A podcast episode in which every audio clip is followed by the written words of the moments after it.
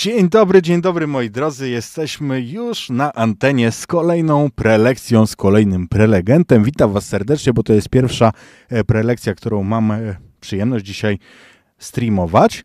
A naszym prelegentem, który nam poprowadzi te właśnie prelekcje, jest Marcin nowy członek Lance Macabre. I tutaj spytałem, zanim weszliśmy na wizję, że moi drodzy, to jest debiut, także mamy wielką przyjemność, że on jest tutaj.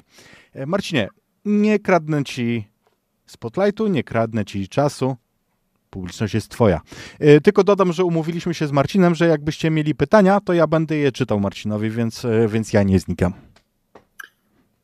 Dziękuję bardzo. E, dziękuję Państwu za obecność. Bardzo się cieszę, że mogę tutaj być. Słuchajcie, mm, ja jestem e, takim zwierzęciem, co to e, najbardziej lubi prelekcje twarzą w twarz, także nie będziecie niestety mogli doświadczać tego, co wielu ludzi, którzy, jest na moich prelekcjach, którzy są na moich prelekcjach, czyli mojego skakania po całej sali i interagowania z Wami bezpośrednio. Ale w miejsce tego chciałbym, żebyście mieli swój głos, bo ja mam więcej materiału niż czasu, a chciałbym, żeby na tej prelekcji odpowiedzi były na to, co Was faktycznie interesuje. Więc co jakiś czas będę rzucał Wam pytanie. Wy mi będziecie na te pytania odpowiadać, tak jak uważacie. Y, będą mi te pytania przekazywane z czatów.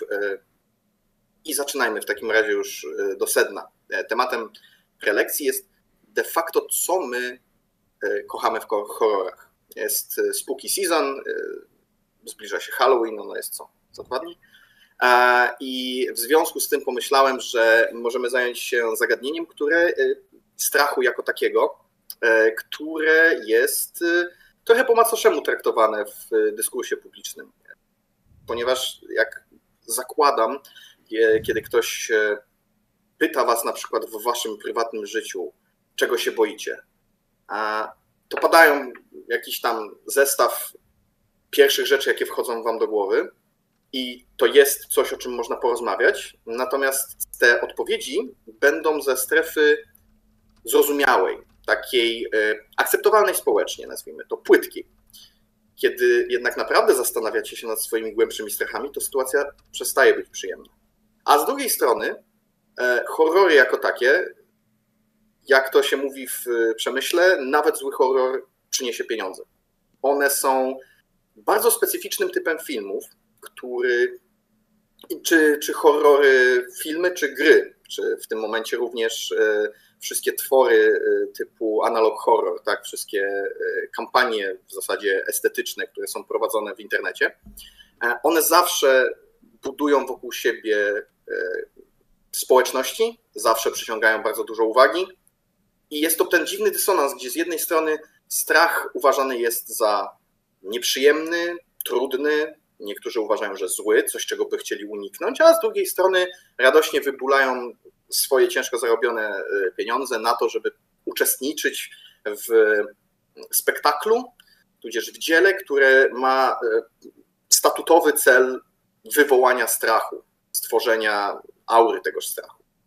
I moje pytanie teraz pierwsze do Was to jest, dlaczego Wy którzy mnie teraz słuchacie, lubicie horror. Co sprawia, że ten człowiek przysłowiowy, który siedzi gdzieś tutaj po drugiej stronie monitora do mnie, mm, jest tym zainteresowany, no bo z jakiejś przyczyny zakładam przeszliście na tę prelkę.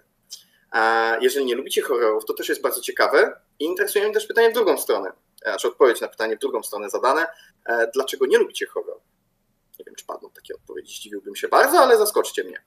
E, a ja w tym czasie e, położę pewne fundamenty. Otóż ja jestem socjoterapeutą. To, czym ja się zajmuję, to jest e, wykorzystaniem wiedzy na temat interakcji społecznych, ale także pracy ludzkiego mózgu, ale także kontekstu kulturalnego, ażeby wytworzyć doświadczenie będące jak najbardziej rozwojowym dla osób, które biorą w nim udział. Socjoterapia ma takie swoje piękne hasło, że zdrowa grupa czyni zdrowe jednostki. A więc wychodzi z założenia, że jeżeli w pewien e, skraftowany, nazwijmy to sposób, wytworzony odrobinę sztucznie, e, powstanie pewna grupa, w której zostaną zbudowane zasady, interakcje, wypracowane zostanie poczucie bezpieczeństwa, e, to ta grupa pozwoli ludziom będącym w niej osiągnąć swój potencjał albo pozbawić się jakichś dawnych traum, albo nauczyć nowych umiejętności, dlatego że socjoterapeutyczne rzeczy mogą być wykorzystywane zarówno do kształtowania osobowości, jak i do powiedzmy, nie lubię słowa leczenie, bo zakłada wtedy, że jest jakaś choroba, którą się trzeba zająć. E, raczej wolałbym o tym myśleć jako o procesie ułagodzania problemów, e, zamieniania trucizny w lekarstwo, jak kiedyś ktoś mi powiedział.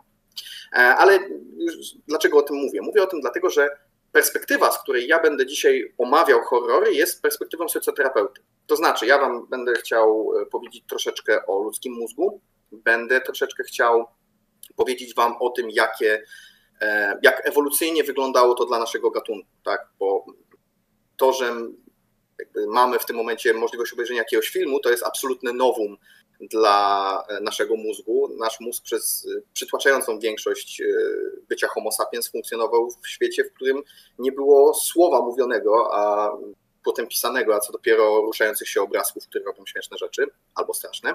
Dlatego to, co my czujemy, to, co my doświadczamy poprzez elektryczne albo papierowe media, to jest, wpada w siatkę poznania, w siatkę poznawczą naszego mózgu. Więc to jest pierwsza rzecz. Druga rzecz, którą chciałem zakomunikować, to jest, że będę używał słów, a słowa są trudne. Słowa są skomplikowane i y, jeżeli potrzebujecie na to dowodu, to spytajcie 15 osób w swoim gronie, albo nawet 3, co to jest miłość co to jest strach, jak to definiuje.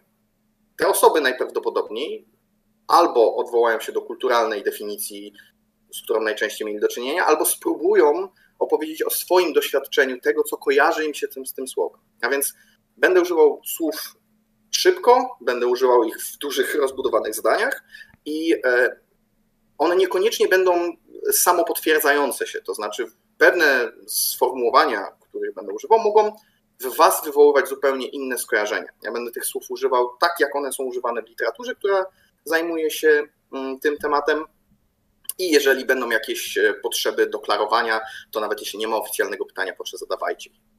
E, ostatnią rzeczą, e, ten aspekt, którym ja najbardziej chciałbym się zająć w dniu dzisiejszym, i oczywiście powiedzcie mi, jeśli chcecie żeby szło to w innym kierunku. To jest faktycznie zajęcie się tym, co jest w tytule, czyli tymi cybernetycznymi, elektrycznymi, żywymi trupami i kłami na granicy poznania. To znaczy, co się dzieje z człowiekiem, ale nie tylko z człowiekiem, co się dzieje ze społeczeństwem, które ma dostęp do takiego medium, jakim są horrory. Na czym polega ten fenomen i dlaczego to jest e, ze wszechmiar dobre, a jednocześnie jakie mogą być mm, potencjalne zagrożenia z tym związane. To tyle, jeśli chodzi o słowo bezpośredniego wstępu. Jak wygląda, czyli pojawiły się jakieś odpowiedzi na moje pytanie? Tak, są odpowiedzi. Pierwsza odpowiedź jest taka, że mm, horrory lubimy za kulturę grozy. Druga, żeby, żeby poczuć inne emocje dla odmiany rutyny. I ja bym właśnie przyłączył się, bo są tylko te dwie odpowiedzi, do tego głosu Maćka Miktusa o poczuciu emocji. Dorzuciłbym jeszcze jedną rzecz, że nie tylko samo to, żeby poczuć silne emocje, bo strach jest taką samą emocją jak wzruszenie, jak, jak śmiech, natomiast dorzuciłbym jeszcze od siebie taki trop dla ciebie, że tak naprawdę w horrorach my lubimy to, jak się czujemy po nich, a nie to w momencie. Y, super, super ważna uwaga, tak jest. Ja do tego też y, zmierzę w pewnym momencie i będzie refren do tego, co mówisz teraz. Wszystkie te rzeczy są y, jak najbardziej prawidłowe. W sensie to, to są prawidłowe odpowiedzi na to pytanie. Ja uwielbiam tego typu pytania, bo nie ma jednej dobrej odpowiedzi.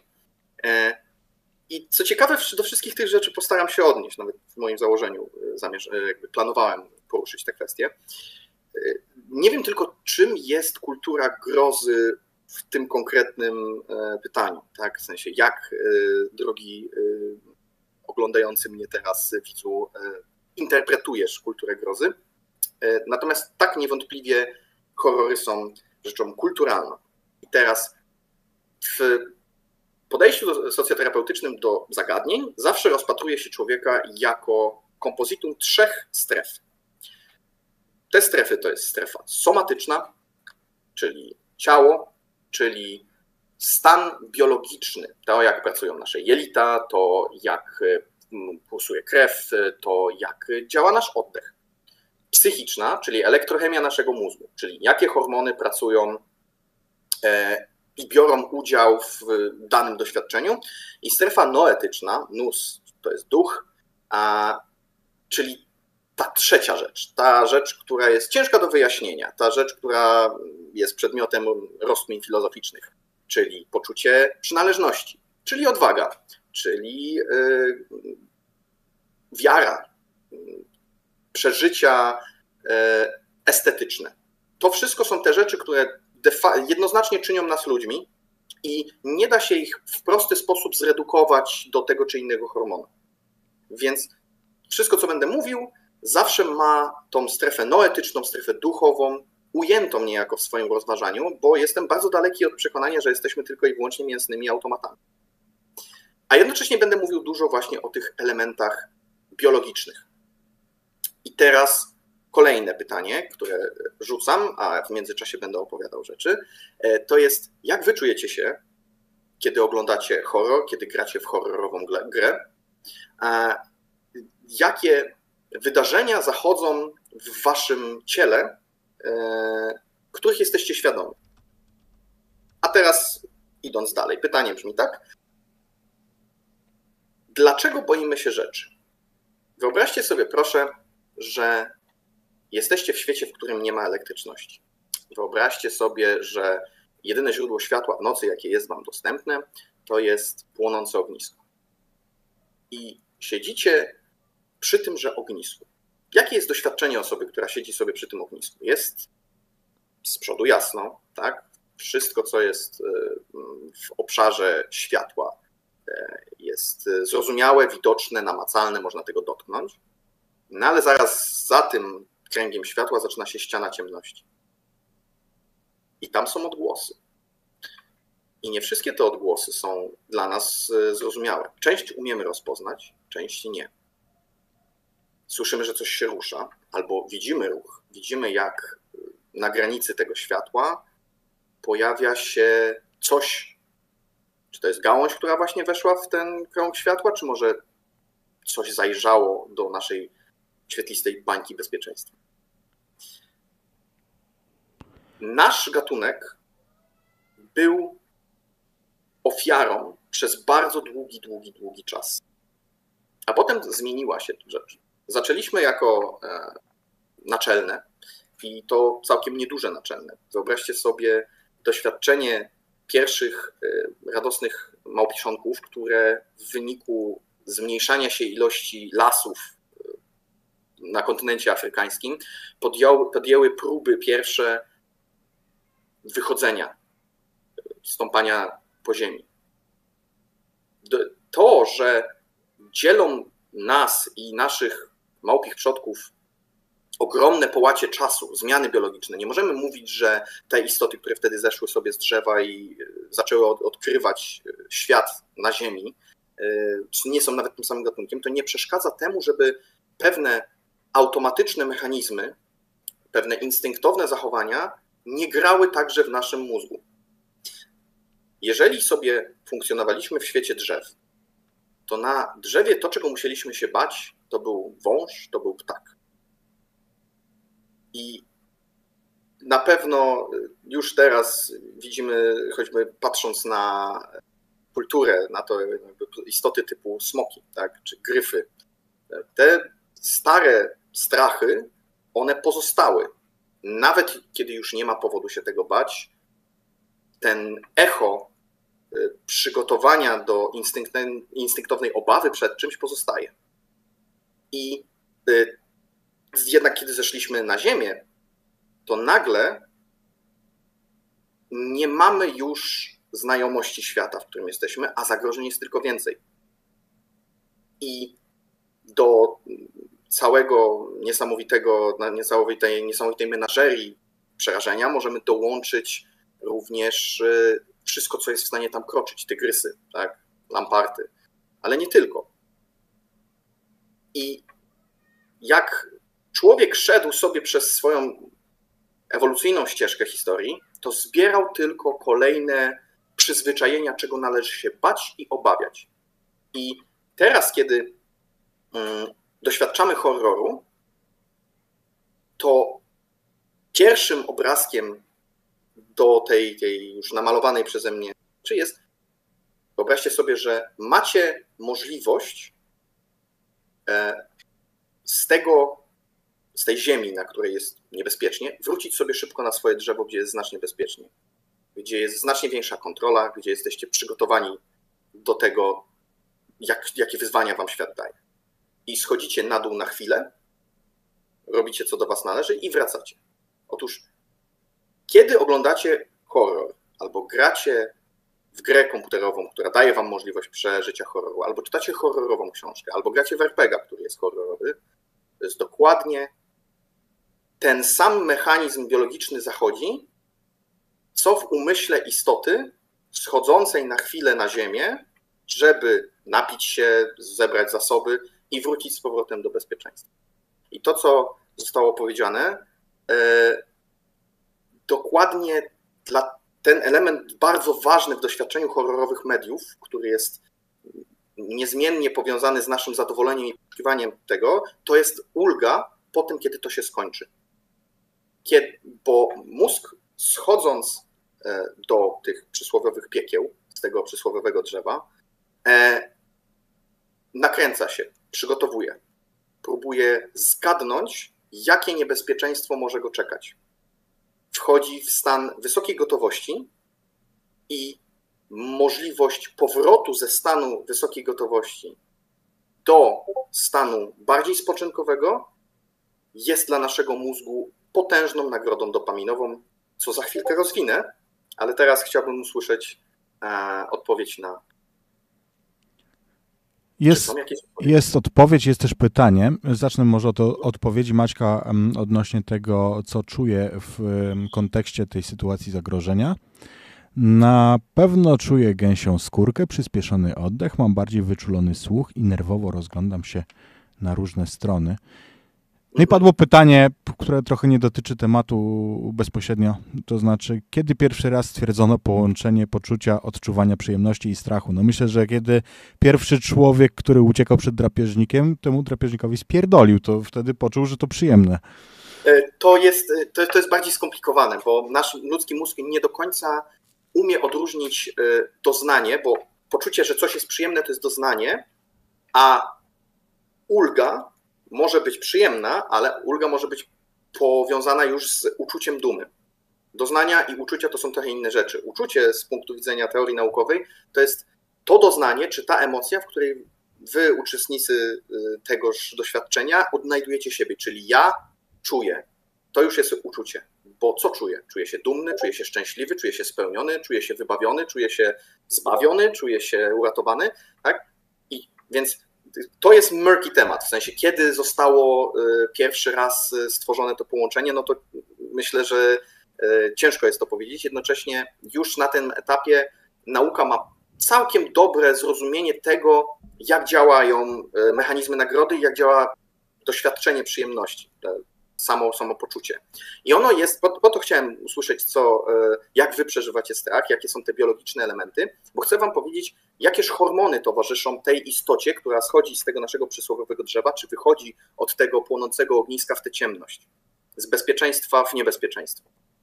Te biologiczne objawy przyspieszone, oddech, e, czujność, rozglądanie się, to jest wszystko element hormonu, który nazywa się kortyzol.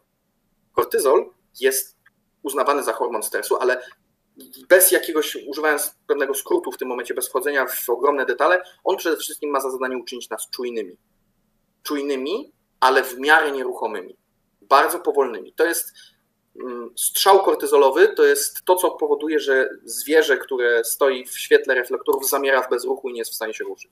Literalnie ten hormon jest w stanie doprowadzić do pełnego paraliżu, ale jeżeli wy kiedykolwiek czuliście się nieśmiało w nowej sytuacji społecznej i mieliście e, tendencję do bycia cichym, raczej wycofanym, oglądania wszystkich, słuchania uważnie, działo się z wami dokładnie to samo, e, co dzieje się z zwierzęciem, które mm, wie, że w pobliżu jest drapieżnik albo jest w nieznanym miejscu.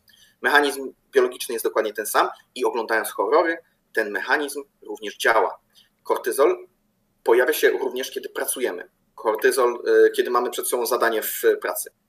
De facto były robione badania na temat tego, czego doświadcza przeciętny człowiek w swojej pracy i doświadcza ogromnych poziom, adren, poziomów adrenaliny i kortyzolu. Adrenalina, ten drugi bardzo istotny e, hormon. Jeżeli zdarzyło Wam się kiedyś w trakcie oglądania e, horroru, e, bo w grze komputerowej to Wy macie większe sprawstwo, to się inaczej przejawia, ale w trakcie pasywnego biernego odbierania medium, na które patrzycie, krzyczeć nie idź tam, albo dlaczego oni nie zapalą światła, albo dlaczego idziesz z tą zapałką, przecież masz latarkę w torbie.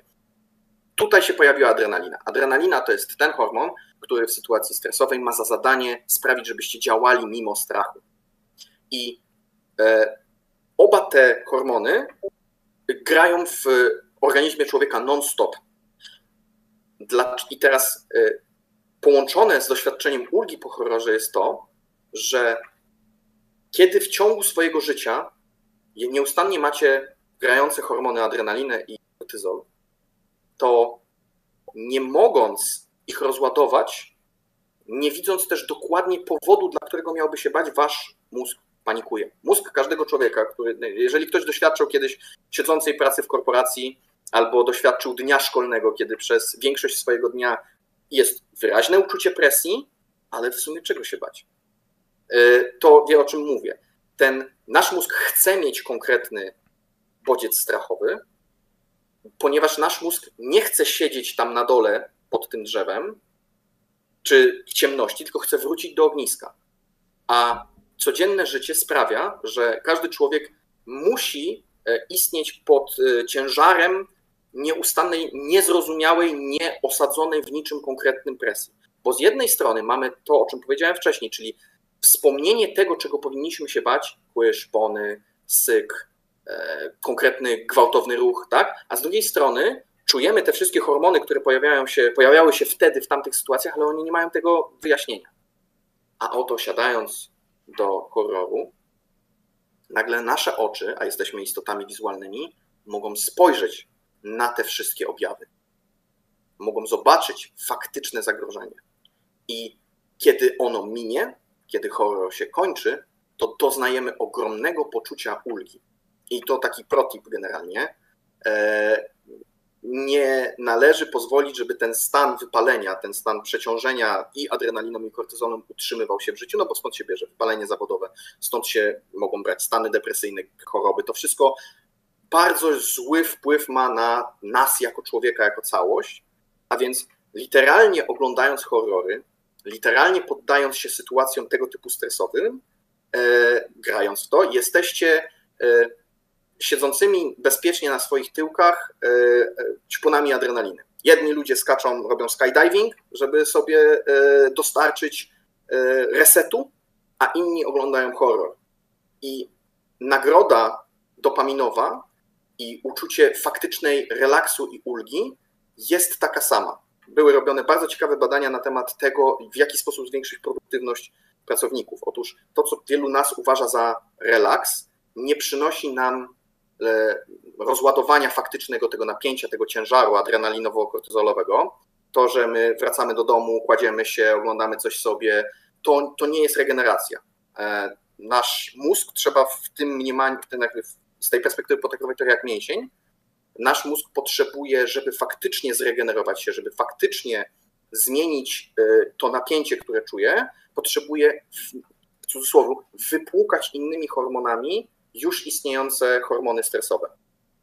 I dopamina, którą dostajemy za to, że uciekliśmy przed drapieżnikiem, albo obejrzeliśmy horror, albo pokonaliśmy bossa w grze, jest przykładem tego, takiego hormonu. Przy czym w horrorach biorą udział jeszcze inne mm, elementy. E, nasz mózg e, kocha odpowiadać na pytania, gadywać. I za każdym razem, kiedy sobie tak siedzicie teraz, ja coś mówię, to wasze mózgi antycypują, co będzie dalej.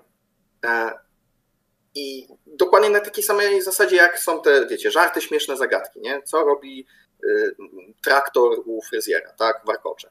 Nie? Kto z Was znał ten żart, ten być może się zaśmiał, być może nie, nie o to chodzi. Chodzi o to, że te wszystkie tego typu żarty, one bazują na prawidle naszego mózgu, że my cały czas próbujemy zgadywać. I horrory poprzez, w ogóle wszelkie narracje dają nam do tego możliwość, ale w horrorach jest jeszcze ten element, że w naturalny sposób e, stawka wydaje nam się większa. Przez to, że symulowane zagrożenie, e, nasz mózg, wiecie, jak stoicie przed lustrem i patrzycie na swoje odbicie, to wasz mózg nie wie, że patrzy na swoje odbicie. Znaczy, wy intelektualnie wiecie, że to jest wasze odbicie, umiecie się w nim rozpoznać. Ale dla waszego mózgu to jest inny homo sapiens, inny przedstawiciel waszego gatunku. Wasz mózg, patrząc na ruszający się obrazek, czy czytając książkę, nie klei tego, że to nie są prawdziwe ludziki. Tylko to są inni przedstawiciele gatunku. A więc widząc przedstawicieli waszego gatunku doświadczających sytuacji stresowej, stawka jest wyższa. Przeżywacie to wraz z nimi. I możecie irytować się na fakt, że zrobilibyście lepiej niż oni, a oni tego nie zrobili, czyli nie zapalili światła. I tu pojawia się nagroda serotoninowa. Serotonina jako hormon związany z przywództwem, ze znajdowaniem rozwiązań, z mm, właściwymi decyzjami stada, jest przepotężnym elementem relaksu i ulgi. Osoby, to, to jest ta różnica między pracowaniem w miejscu, w którym jako pracownik nie mamy nic do powiedzenia, a pracowanie w miejscu pracy, w którym, czy funkcjonowanie w zespole, czy bycie w klasie, e, w którym nasz głos jest rozpoznawany, usłyszany, mamy sprawstwo, możemy robić swoje. A więc kiedy wy oglądacie, nie horrory mają dużo klasycznych tropów, klasycznych zagrań, że ten człowiek, wie, wiecie, że tam jest ciemny korytarz, wasz mózg już mówi, aha, główny bohater na pewno wejdzie do tego korytarza bez światła. I lo and behold, ta osoba wchodzi w ten korytarz bez światła, a wasz mózg się cieszy. Nagradza was serotoniną, wy byście tego nie zrobili. Mądrzy wy. Teraz pytanie. Ostatnie, bo e, wiem jakby, że e, może nie ostatnie, zobaczymy jak to pójdzie z czasem, ale już ucieka. Jaka była pierwsza horrorowa rzecz, którą doświadczyliście, co do której macie pewność, że wpłynęła na to, jak patrzycie na świat? To jest ostatnie pytanko, e, a ja nawijam dalej. Jeszcze jedną rzeczą, którą nasz mózg potrzebuje i chce, i znów na to też są wspaniałe badania robione, e, to jest. E, jesteśmy jako istoty stadne automatycznie zaprogramowani, żeby przeżywać swoje życie życiami innych. Czyli interpretować, może inaczej zacznę. Na pewno zdarzyło Wam się kiedyś, oglądając książkę, znaczy czytając książkę, oglądając film, grając w grę, myśleć sobie, jak ja bym się zachował w tej sytuacji, ja jako ja. Albo jakby to było, gdybym ja był w tym świecie. Albo jakby to było poznać tych bohaterów, mieć z nimi do czynienia. To są wszystko naturalne elementy życia życiami innych. Innym wyrazem tego są na przykład plotki i fakt, że ludzie uwielbiają opowiadać sobie o cudzych życiach. Dlaczego? Dlatego, że jeżeli w pewnym momencie zdobyliśmy zdolność do rozumienia swojej tożsamości i zobaczyliśmy, że są inne istoty, które są bardzo podobne do nas, ale jednocześnie one podejmują inne zachowania niż my, to my się uczymy przez pryzmat cudzych zachowań. Nasz mózg wszystko traktuje jako narrację, wszystko traktuje jako historię. Dlatego jest, na pewno słyszeliście, może niekoniecznie, ale jakby jest duża szansa, że słyszeliście o czymś takim jak pamięć autonarracyjna, czyli ten fakt, że wydarzenia sobie, a to, co ja po latach mam, jaką interpretację mam tych wydarzeń, to jest inna kwestia.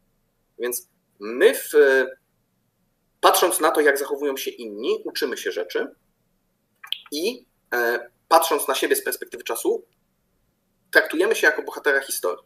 Patrząc na bohaterów historii, mamy, i to jest prawdopodobnie najważniejsza rzecz, e, jaką horrory mogą do nas robić, poligon doświadczany dla naszego umysłu bardzo mocno emocjonalnie traktujemy e, symulacje, wszelkiego rodzaju symulacje. E, jest taka piękna teoria, że sny są naszą symulacją, że mózg bardzo potrzebuje, no bo wiecie, świat jest super skomplikowany, złożony z ogromnej ilości zmieniających się bodźców, e, informacji i ciężko jest to wszystko posortować, a jednocześnie nasz mózg cały czas jest przekonany, że ma tylko jedną szansę, że jak coś się schrzani, to my możemy zapłacić za to życiem, więc popełnianie błędów jest absolutnie złe. Więc trzeba tych błędów uniknąć, zgadnąć. No i częściowo to, co już mówiłem, że przewidujemy troszeczkę i próbujemy zgadnąć, jaka będzie następna progresja wydarzeń, czy następne słowa, które padną, ale też potrzebujemy tworzyć długofalowe te plany, strategie, przygotowywać się.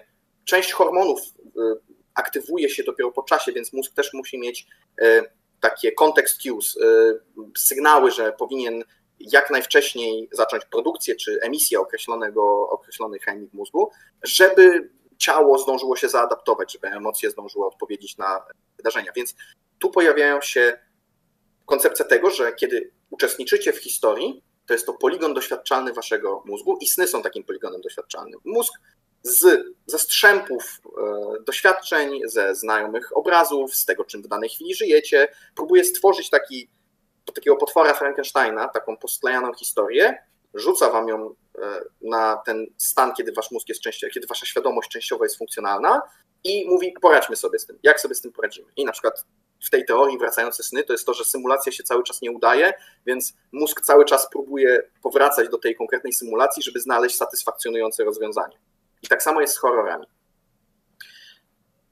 Zauważamy wzorce.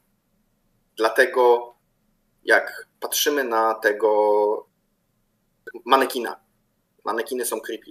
Dlaczego? Bo to jest prawie człowiek, ale nie jest żywy. E, miś pluszowy jest spoko, ale kiedy ten miś ma wklejony zestaw, potężny garnitur ostrych kłów, już zaczyna być creepy. Rozpoznawanie creepy rzeczy kiedyś ratowało życia. Dla naszego mózgu to jest, jest creepy to, co jest prawie znajome, ale jest delikatnie coś nie tak to znaczy, że trzeba zadziałać. Zanim się okaże, czy to jest creepy, czy, zanim się okaże, czy to jest niebezpieczne, czy nie, my już musimy być przygotowani do skoordynowanej reakcji. A więc patrzymy sobie na narrację w horrorze i tak jak patrzymy, jakby próbujemy sobie pomyśleć, jak my to w mózgu, i to, to było badane na zasadzie aktywacji obszarów mózgowych, na zasadzie zmiany chemii krwi, osoby, które oglądają horrory, czują się lepiej przygotowane do rzeczywistości. To znaczy, te symulacje mogą nie mieć żadnej aplikacji do faktycznego życia, ale tworzą w mózgu przekonanie, że ta aplikacja istnieje.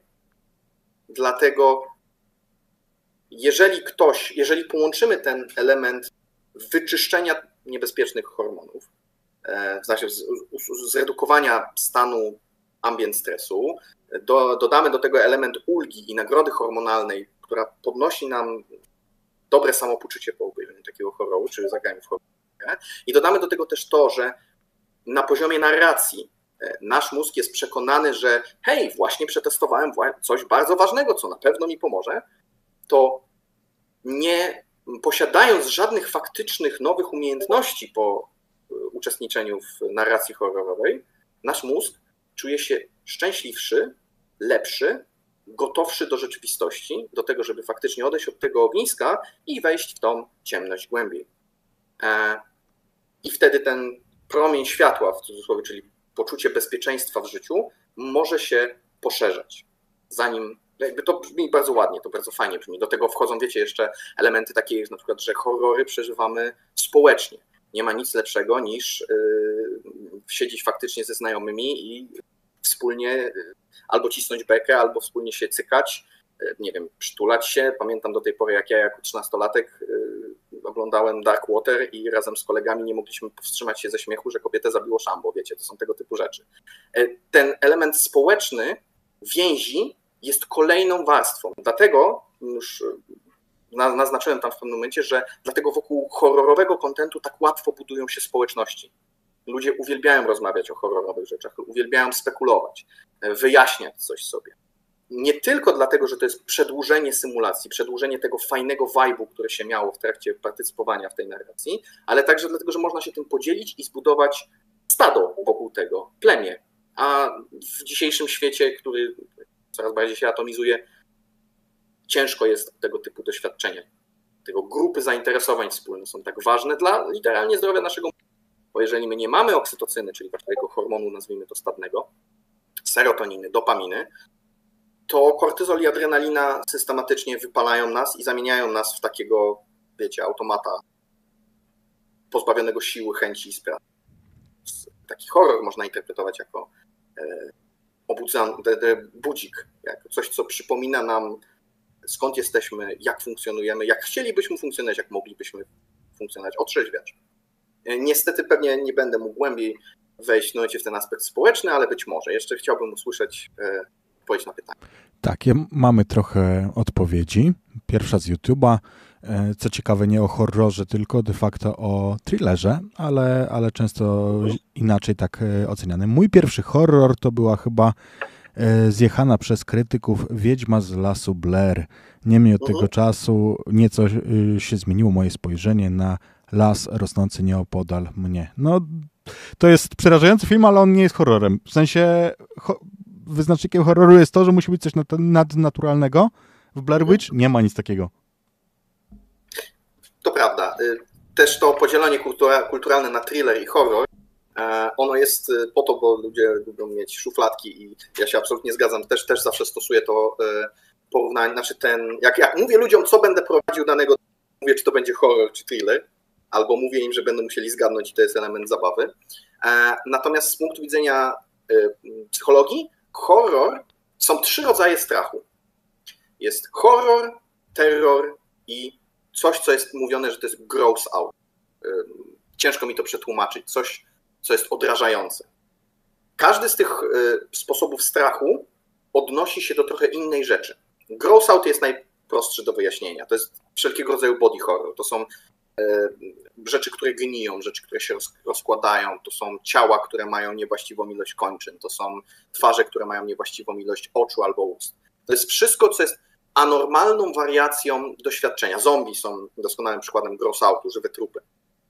Ale horror i terror są nieco bardziej skomplikowane, bo horror to jest ten, z punktu widzenia psychologii, ten rodzaj strachu, który czujecie, kiedy macie wrażenie, że ktoś za wami stoi.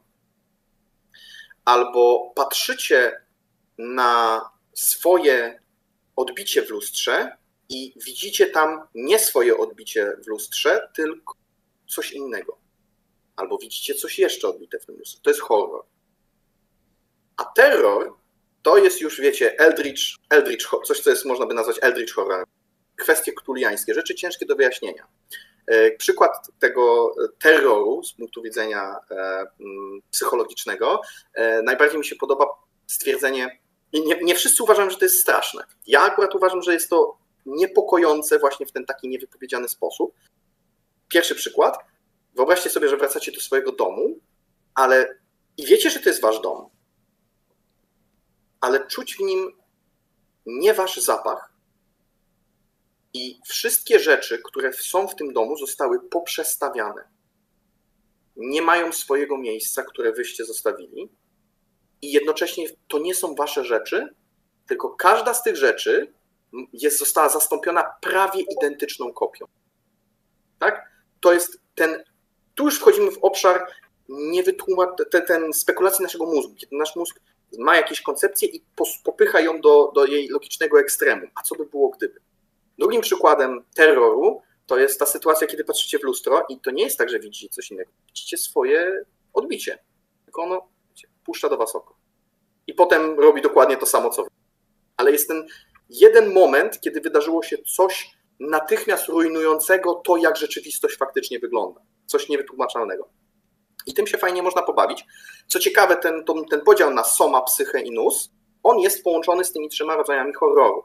Jest właśnie horror somatyczny, to jest ten najbardziej zrozumiały body horror.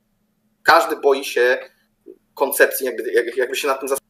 Wytrzewienie, sama nazwa wytrzewienie powinna budować y, poczucie niepokoju co najmniej, jakby usunięcie siłowe organów z waszego ciała, no to nie brzmi fajnie. To jest bardzo zrozumiały strach, bardzo biologiczny strach.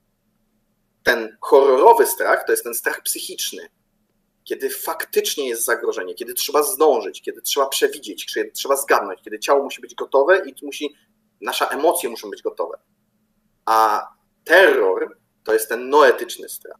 To jest ta koncepcja, że jest coś, czego nie ujmujemy, nie, nie jesteśmy przygotowani, nasza, nasza, nasze, wszystko, czym jesteśmy, jest nieprzygotowane, żeby się z tym mierzyć. Tak? I y, każdy z nich ma troszkę inny wpływ na osobowość człowieka i na doświadczenie człowieka. Są tacy, którzy na przykład zupełnie nie rozumieją jednego z tych typów albo wszystkich. To już jakby, jak to mówi moja przyjaciółka, każdemu jego porno.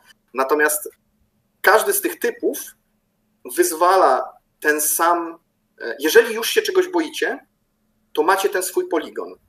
Możecie w bezpiecznym, e, kontrolowanym otoczeniu przeżyć namiastkę tego, co przeżywali wasi przodkowie i dostać wszystkie nagrody, które z tego płyną, bez praktycznie żadnego ryzyka.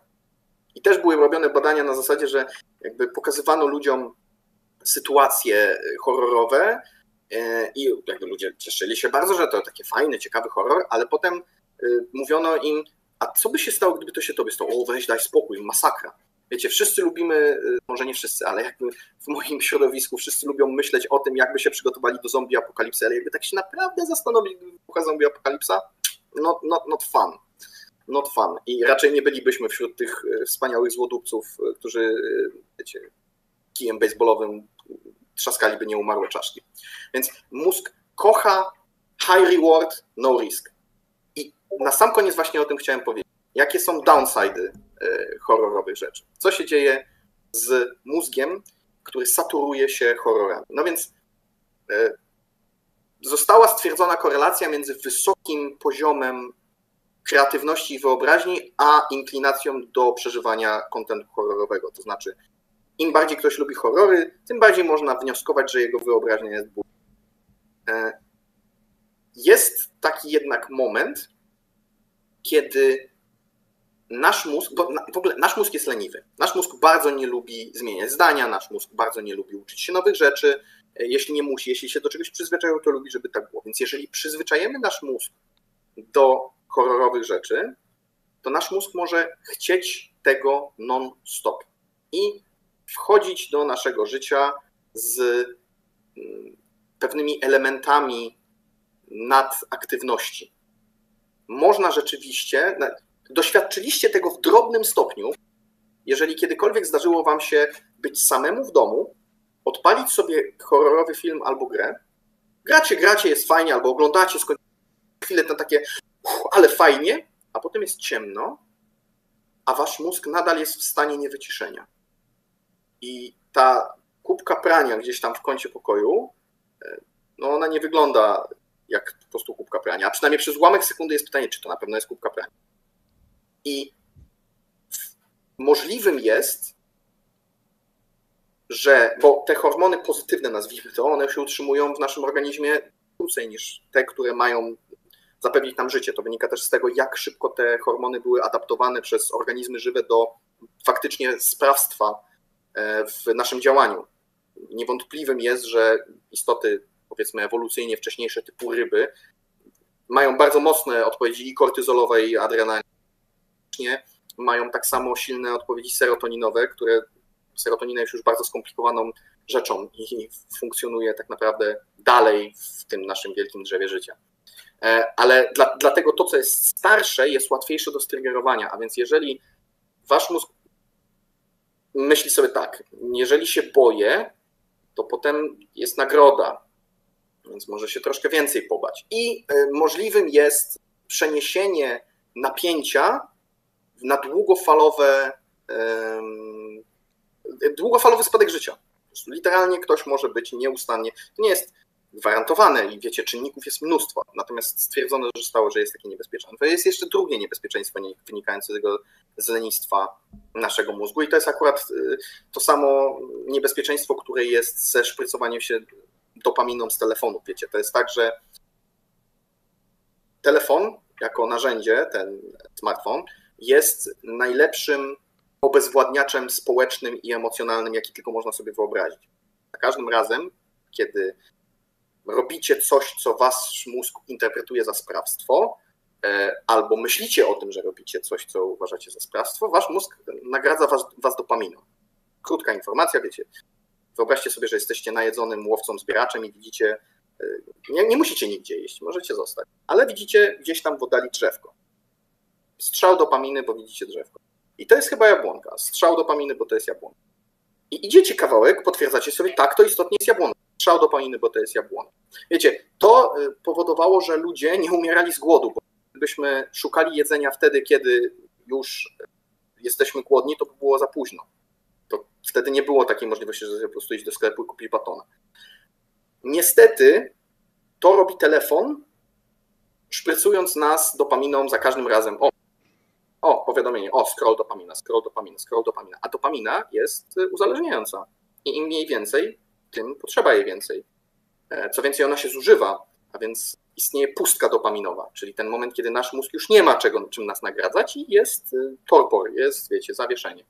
I niestety to samo jesteśmy w stanie uzyskać horrorami. To znaczy ludzie, ten sam mechanizm, ludzie, którzy tylko i wyłącznie, nie mając żadnego innego faktycznego obszaru sprawstwa, e, czyli miejsca, gdzie mogą faktycznie mierzyć się z emocjami i e, zmieniać coś w swojej rzeczywistości, nie wiem, grać w coś, e, w RPG albo w koszykówkę, co kto lubi.